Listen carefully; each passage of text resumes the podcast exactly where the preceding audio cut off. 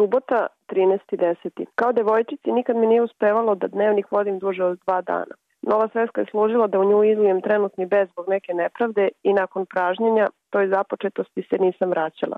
Možda je to bio otpor prema interpretaciji doživljenog ili su me prerano korumpirali prinudnim školskim sintagmama i pridevima, pa mi se nije sviđalo da van škole rutinski literarno kinđurim intimne dožive. Puštala sam da se slobodno skladište, vitopere i transformišu u sećanju i poslužem i kasnije kada sam profesionalno počela se bavim filmom, a onda i zabludama i iluzijama neophodnim za to bavljanje. Sada sam mama dvogodišnjaka koji osvaja jezik i njime vlada dovoljno da u ritual uspavljivanja obavezno uključuje jednu verbalnu, tek malo eliptičnu rekapitulaciju dana. Otprilike ovako. Kaljiš bio voz, jedna seka, dinosaus, ništa strašno.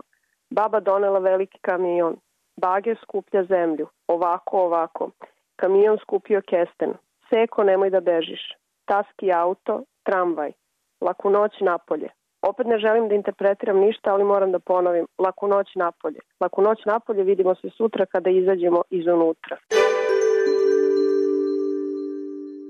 Nedelja, 14.10. Idemo u pozorištance Puš i gledamo uspavanu lepoticu. Opet se pitam zašto su sve junakinje u bajkama ili zatamničene ili uspavane ili čežnjivo čekaju. Sasvim prepuštene slučaju volje ili odvažnosti drugih. Onda razmišljam šta smo mi kao devojčice usvojili iz tih bajki, iako jesmo puno šta li čekamo, zbog koga spavamo i zašto su zle vile veštice sklone akciji, a dobre princeze pasivno čekaju.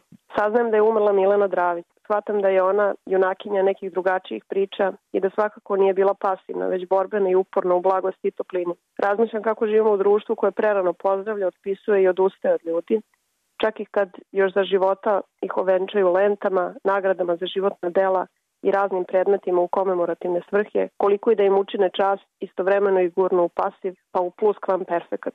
Zamišljam kakve bi sve filmske uloge mogla ostvariti u starosti da je bilo više prilika, da je nastavila da živi kroz svakodnevnu glumačku igru. Volala i podržavala mlade i iz toga crpela radost. Valjda je to prirodna ljudska potreba, ali i prirodna nužda u društvu u kom su mladi jednako marginalizovani kao i stari, a o nama odlučuju srednji, koji se nazivaju mladima dok godin je to potrebno. Ponedeljak, 15.10. Čitam vest o smeni Željka Hubača sa mesta direktora drame u Narodnom pozorištu. Dva dana pre toga je izašao njegov intervju u kom se pita zašto je smanjen budžet u sektoru drame i to u godini jubileja 150 godina od osnivanja Narodnog pozorišta. Ponižavanje i obeležavanje neposlušnih i nepodobnih. Skrajnuti, poceniti, obesmisliti. Ako je žena, reći joj da je luda ili bezobrazna ili lakog morala i pitati je čija je. A ako je muško, osmisliti mu neku aferu, marginalizovati ga, poceniti i pritvoriti.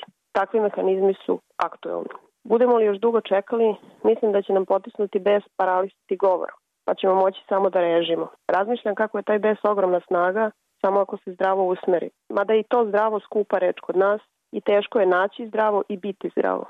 Izgleda da pre kolektivnog besa dolazi ta lična buka od koje ni sebe više ne čujemo. Samo zapušavanje ušiju unutrašnjim bukama.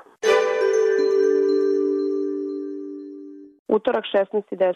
Glavni utisak dana je doktorka Pankerka koja nam je sredila dva pregleda u privatnom domu zdravlja po ceni od pola pregleda. Neprirodno i bizarno leto u oktobru čini da su svi bolesni. Moj sin Pavle je opsednut bagirima, a ovaj grad je postao samo urušavajuće gradilište, pa bagire ima na sve strane.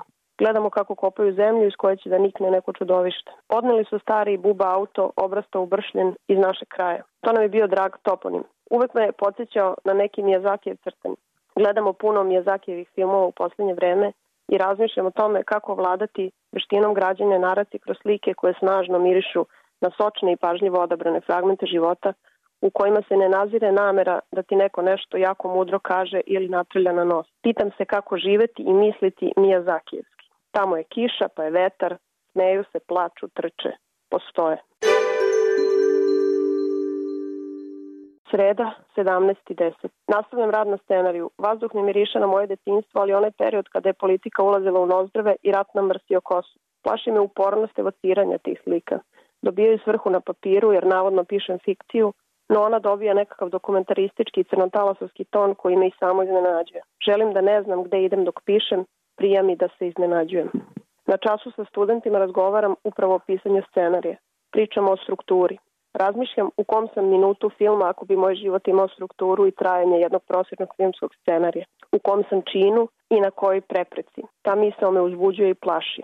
Ostavit ću je za kasnije. 18.10. četvrtak. Nenad, moj najbolji drug, je na reci Okavango, prirodna granica Namibije i Angole. Kaže da se ta reka od kanala Dunav-Tisa-Dunav, pored kog smo odrastali, razlikuje samo po prisustvu izuzetno ukusne rečne ribe i krokodila. U tom delu kanala Dunav-Tisa-Dunav teško da je bilo ukusne ribe. Tamo su se taložili ostaci umiruće industrije i mutirali zajedno s vremenom. Zvali smo taj potez uz kanal radioaktivni muzej apokalipse i često tamo odlazili u mazohističke šetnje. Jednom je Nenada posetila drugarica iz inostranstva, pa smo je u ime apokaliptičnog i u takvim okolnostima jedinog mogućeg gostoprimstva odveli do radioaktivne rivijere. Šetnju nije dobro podnela i zamolila nas je da je vratimo kući. Danas je duhoviti opstanak unutar granice zdravog razuma, ultimativni kreativni čin koji svaku profesiju motivisanu kreativnost čini manje uzbudljivom. Razmišljam o ljudima koji zaista umeju da me zasmeju do upale trbušnih mišića i shvatam da ih nema mnogo i da mi nedostaju. Nenad je jedan od njih i javlja mi još i ovo. Narodi Kavangoa su podeljeni u pet plemena.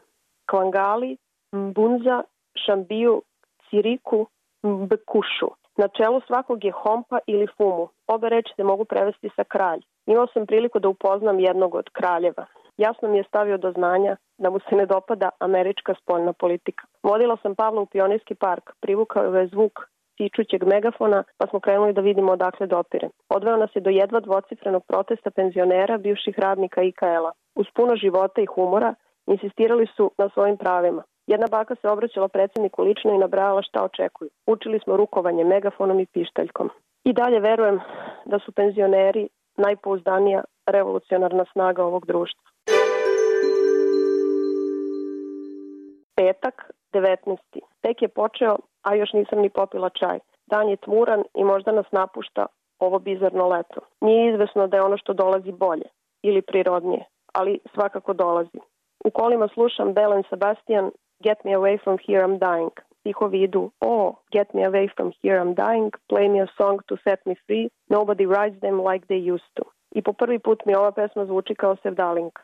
Rasplačem se, ali onako lepo kad se pore odjednom napune života.